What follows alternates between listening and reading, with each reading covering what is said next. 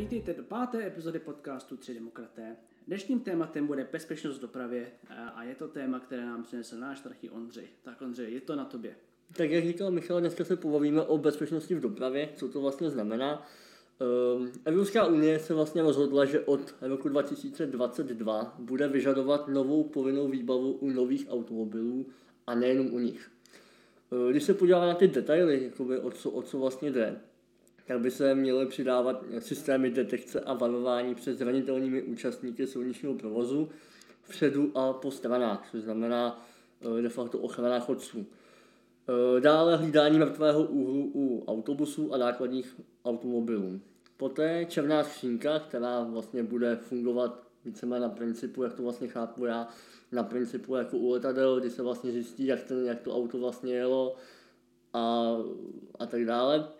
Dále sledování únavy řidiče, bezpečné couvání s kamerou a inteligentní asistent rychlosti, což je v úvozovkách takový omezovač, který bude rozpoznávat značky a upravovat podle nich rychlost. Hm. Tohle, to, jak jsi to řekl u toho posledního bodu, pojďme se vrátit zpátky k těm, tomu prvnímu, protože já jako neřidič jakýchkoliv, jakýchkoliv prvních prostředků umím přecházet jenom přechod a, a to i možná špatně, tak eh, si nedokážu úplně představit, eh, co je pod každou kategorii. A uvedeš mi to prosím jako víc lidsky, co to znamená, že tam něco na boku vepředu? Tak pokud se podíváme, tak vlastně u toho systému ty detekce a varování přes zranitelnými účastníky, tak jako z mýho laického pohledu, to znamená tak, že uh, tam bude nějaká kamera vlastně předu, používají to třeba i nějaký auta jako typu Mercedes-Benz, ty nejvyšší kategorie, které už detekují přímo, jestli mi tam jdou lidi nebo nejdou, třeba jako v noční vedení a tak, nebo eventuálně nějaká, nějaká semka při kopě, když je samozřejmě živá, jo. Mrtvou to neregistruje. Může to registrovat, ale ale je to de facto taková ochrana, že uh, upozornění, že tam někdo přede mnou je. Jakože prostě většina chodců třeba jde mimo, mimo obce a nemá na sobě ty vesty, tak to auto prostě to uvidí. Takže to takový no. ten typ, že řídíš, řídíš, píp, píp a a to, to doufejme, doufejme, že tyhle ty veškeré kroky, které vlastně, eh, ty body, které jsem přečet, tak uh, by měly zajistit bezpečnost. Otázka je, jestli co to vlastně jako v tomto pohledu bezpečnost je. Hmm. Bude to fungovat, nebude to fungovat, protože samozřejmě z nějakého určitého pohledu by to mělo fungovat, jinak by to nemělo smysl, ale z určitého pohledu je pořád, jako z mýho pohledu, je to tak, že ten člověk by měl o tom tomu jakoby rozhodovat. Samozřejmě to, že mi ty systémy pomůžou nějakým způsobem, je dobrý, z mého pohledu třeba adaptivní tempomat nebo hlídání jízdních pruhů, eventuálně ta únava, uh, únava řidiče. No počkej, to je důležitý, důležitý pod. Přebírají tyhle ty systémy kontrolu nad tím řízením sami, to znamená, že uh, detekují nějaký předmět uh, v cestě jízdy a to auto zastaví samo nebo zpomalí samo, tak... nebo tě to jenom upozorní a řekne ti, že bys měl něco dělat. Mělo by to, mělo by to jak upozornit, uh-huh. tak potom, kdyby to byla fakt krizová situace, tak by to mělo i zastavit samozřejmě, protože vlastně ta, ta elektronika je tak dobrá, že dokáže ji zastavit. Uh-huh. Jo? U určitých systémech je třeba, že ono ti to auto zpomalí, aby to snížilo ty, ty důsledky té nehody nebo následky a třeba potom, když to má 5 km hodině, tak to musíš došlápnout ty. Ale jde tam o toto snížení. Jo, protože třeba já mám v autě uh, vlastně nějaký systém, který mi taky detekuje ty věci přede mnou, když vlastně mám, uh, když mi tam vlastně zastaví auto a já než dám nohu z plynu, tak už prostě to auto může detekovat, hele, je to krizová situace a začneme do toho ovládat, mm-hmm. vlastně zasahovat. Ale pouze snížení rychlosti, což vlastně může znamenat i dupnutí pořádně na brzdu, ale stejně ten, ten konečný musím došlápnout já, to jsem si oskoušel sám u svého auta. Jo, takže z mýho pohledu Eh, tady ty systémy jsou dobře, ale vždycky, ale nemůžou vlastně nahrazovat člověka. Mm-hmm. Jo, což vlastně, když se podíváme, já jsem si dal i tu práci, že uh, máme nějakou stupnici automatizace, což vlastně znamená, že uh, stupeň 0, nebo což vlastně znamená pro starší auta, tak to řídí člověk a auto vydává jen hlášení a upozornění většina aut dneška, což jsou vlastně ty starší. Potom máme stupeň 1, to jsou ty mladší vozy kde vlastně auto ještě neumí kombinovat víc funkcí a člověk je na palubě pořád aktivní. Příkladem je adaptivní tempomat. Potom tady máme stupeň číslo 2 pro moderní vozy a to je, že auto už dokáže korigovat samorychlost i směr jízdy, typicky automatické parkování. Obsluha ale musí být vždy připravena zasáhnout. Dále stupeň číslo 3. Zatím nedovoluje legislativa, ale technicky je to možné. Systém už je schopen řešit omezené míře i krizové situace. Člověk ani nemusí mít ruce na volantu. Auta už by to uměla, ale zákony to zatím nedovolí. Hmm. No který, který stupeň je teda pro tebe přijatelný?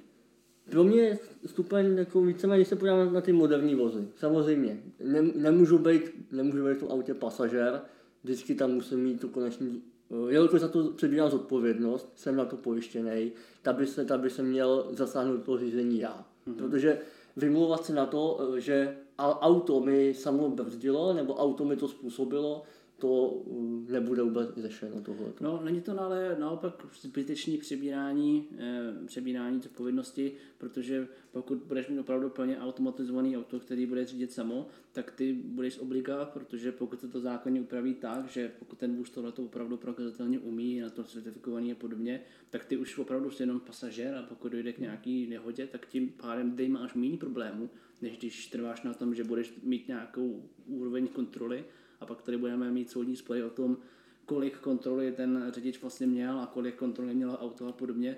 Eh, přijde mi, že to je jako takový jako polovičatý přístup, který způsobí víc problémů než, než, eh, než řešení. Jako já sám jsem toho názoru, že já bych chtěl nějakou, nějakým způsobem kombinace obou dvou, protože eh, v některých situacích, které z mýho pohledu nebyly kvizový, tak to auto vyhodnotilo jako kvizový a začalo mi do toho ovládání celkem hodně zasahovat s tím, že už mi to duplo na brzdu a z té situace, kdy třeba za mnou jede auto a víceméně situace, která se mi stala nedávno, auto mi odbočuje vlastně do, doprava a já jedu jakoby trošku pořád stejnou rychlostí, ale objíždím ho, tak už mi do toho zasáhlo, že už tam je před překážka a už by mohlo být nějaký, nějaký karambol. Takže v době, kdy já prostě to auto mám plně pod kontrolou a stačí ho pouze oběct, tak už tam je ten zásah, který mi celkem hodně vadí. Nebo u adaptivního tempomatu na dálnici, když mi tam jede auto, tak už mi to taky může zpomalovat a samozřejmě ta prodleva mezi tím, kdy auto mi zpomalí, auto si nechám odjet a pak vlastně se vrátím na tu konstantní rychlost, kterou mám, těch 130 km hodině, tak tam je dlouhá prodleva. A to si účastníky za mnou prostě může omezovat, dokonce i ohrožovat. Mm-hmm. Že tady máme, dejme tomu, nějaký problém toho, že ta technologie nechápe všechny situace správně tak, jak by měla, vyhodnocuje prostě eh, věci příliš tvrdě. A nemusíme chodit ani tak daleko, staly se tragické záležitosti třeba u toho Boeingu, to je taky doprava, že jo. Tam přišlo přesně do tohohle, do této situace, kdy automatický bezpečnostní systém vyhodnotil situaci úplně jinak než, než ten pilot hmm. a převzal kontrolu nad tím letadlem a pilot nebyl vůbec schopný eh, ani v jednom případě zareagovat a ten systém napravit. Jo. Takže a ten systém poslal letadlo k zemi. A ten systém to poslal k zemi, protože to špatně vyhodnotil, že myslel si, že eh, jsou vzhůru nohama nebo co. Hmm. Takže eh, jak se na to díváš ty, Tomáš? Te... Jsi pro který stupeň automatizace? Já si nepamatuju přesně, jak on říkal, v kterým stupni je co, ale já jsem takhle, tak jsme v nějakým, jsme v 21. století, vývoj, technologie jdou dopředu, zvyšuje se pohodlí řidičů i cestujících při řízení, Eh, jak Ondra říkal na začátku, tyhle ty technologie, o kterých se mluví, že by povinně byly ve všech vozech, tak už v současnosti jsou ve většině těch eh, luxusnějších vozů, to znamená, nějaký benefit to určitě má. Eh, pokud máš něco jako adaptativní tempomat, že nemusíš řešit právě to, jestli tam někdo věde, byť teda tam můžeš mít prodlevu nebo něco. Otázka, jestli ten tempomat můžeš nastavit na víc než na 130, když tě to, jestli tě to neomezuje, můžeš, neomezuje můžeš. v tomhle tom. Eh, takže jako ty technologie já vůči ním skeptický nejsem, ale přesně to, to co jste tady vlastně oba v nějaké fázi této diskuze nastínili, je nedokonalost toho systému, že eh, ty technologie, byť jsou stále na vyšší úrovni, tak nedokážou vyhodnotit každou tu situaci správně.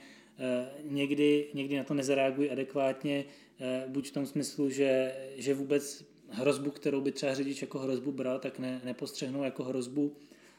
nebo naopak něco, co hrozbou není, tak, tak vyhodnotí jako hrozbu a začnou ti do toho zasahovat právě tím bržděním nebo, nebo podobně. Když se podíváme do Ameriky, kde testují ty, ty samořídící vozidla, tak je tam spousta případů, kdy to vozidlo srazilo toho chodce, protože ho nějakým způsobem nedokázalo detekovat.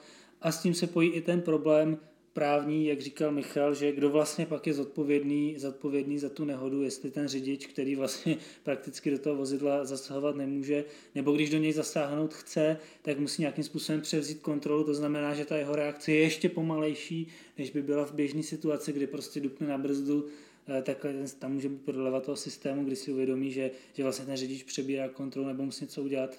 A v neposlední řadě samozřejmě to nám určitě Michal rád objasní Peltzmanův efekt.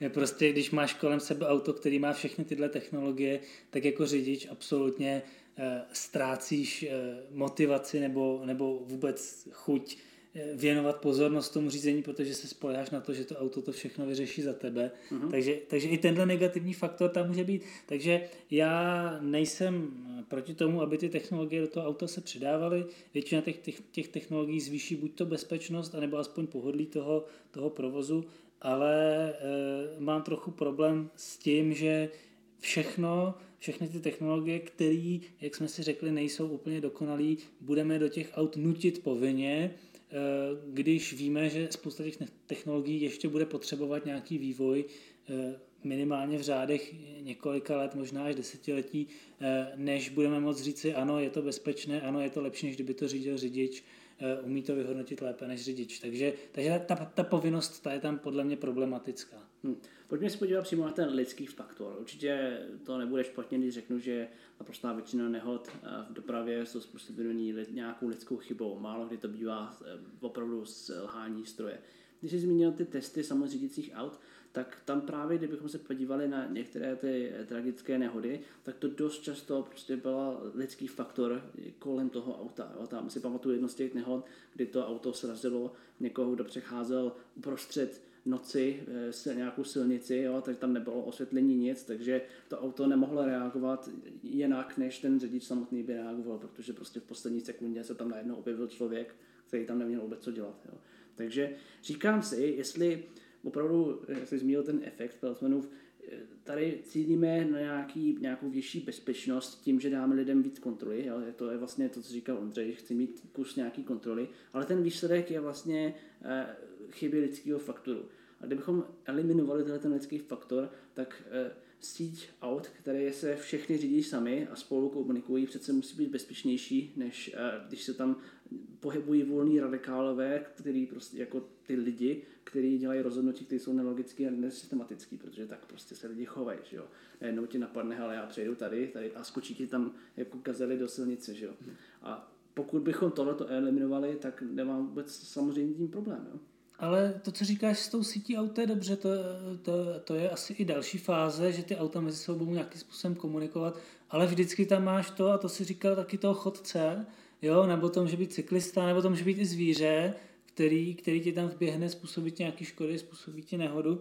A to jako těžko podchytíš tou technologií, protože, protože eh, ten chodec nebude mít nějakou GPS, která mu řekne stůj, jede tam auto nebo něco. A když ten chodec se tam rozhodne vejít, tak tak eh, to, to může být chyba lidského faktoru, ale ta technologie, ta technologie by spíš měla být schopná na tohle reagovat, měla by být schopná předvídat to, že ten člověk tam může vejít i mimo přechod, i nečekaně a ale až to do, do, doženeme k té dokonalosti, nebo až se přiblížíme k té dokonalosti, tak proč ne, ale, ale ty technologie teď ještě tak dokonalý podle mě nejsou.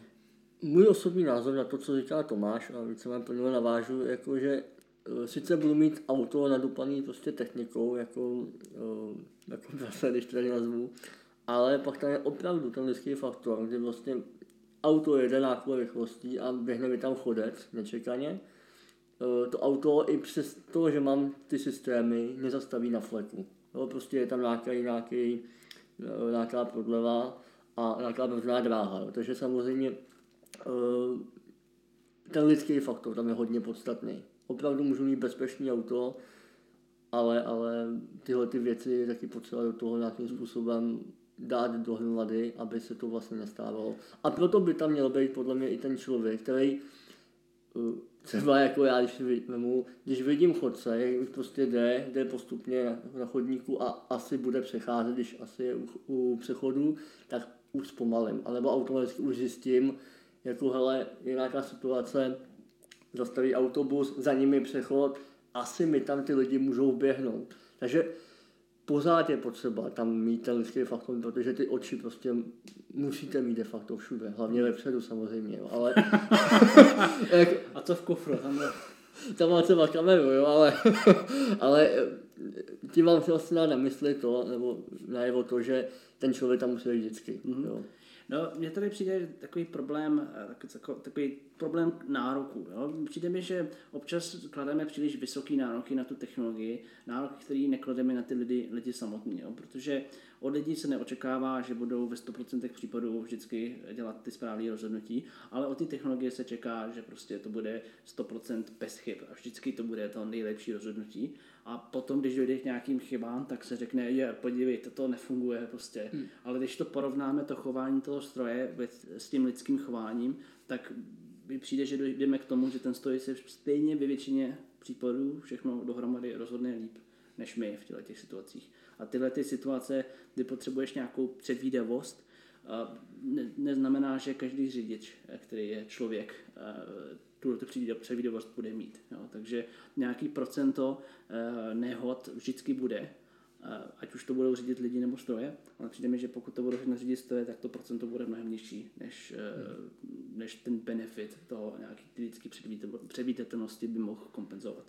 S tím já, s tím já souhlasím skoro na 100%.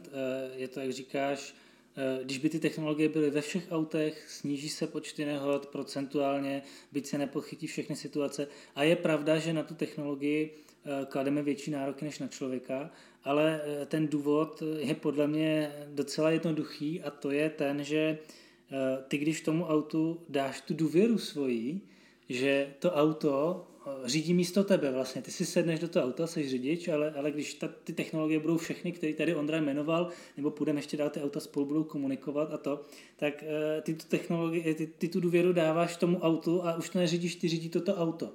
A ty potřebuješ jako člověk si být jistý, že, že to auto neudělá něco, co bys třeba neudělal ty, jo?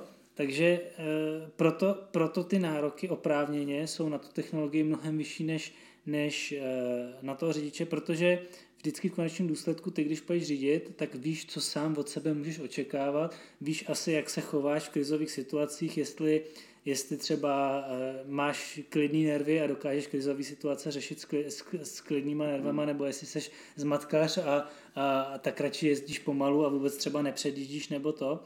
A... Proti tomu se musím ohradit, to podle mě není pravda průzkumech se neustále ukazuje, že většina řidičů... Že se lidi nad, nadsazují. To je...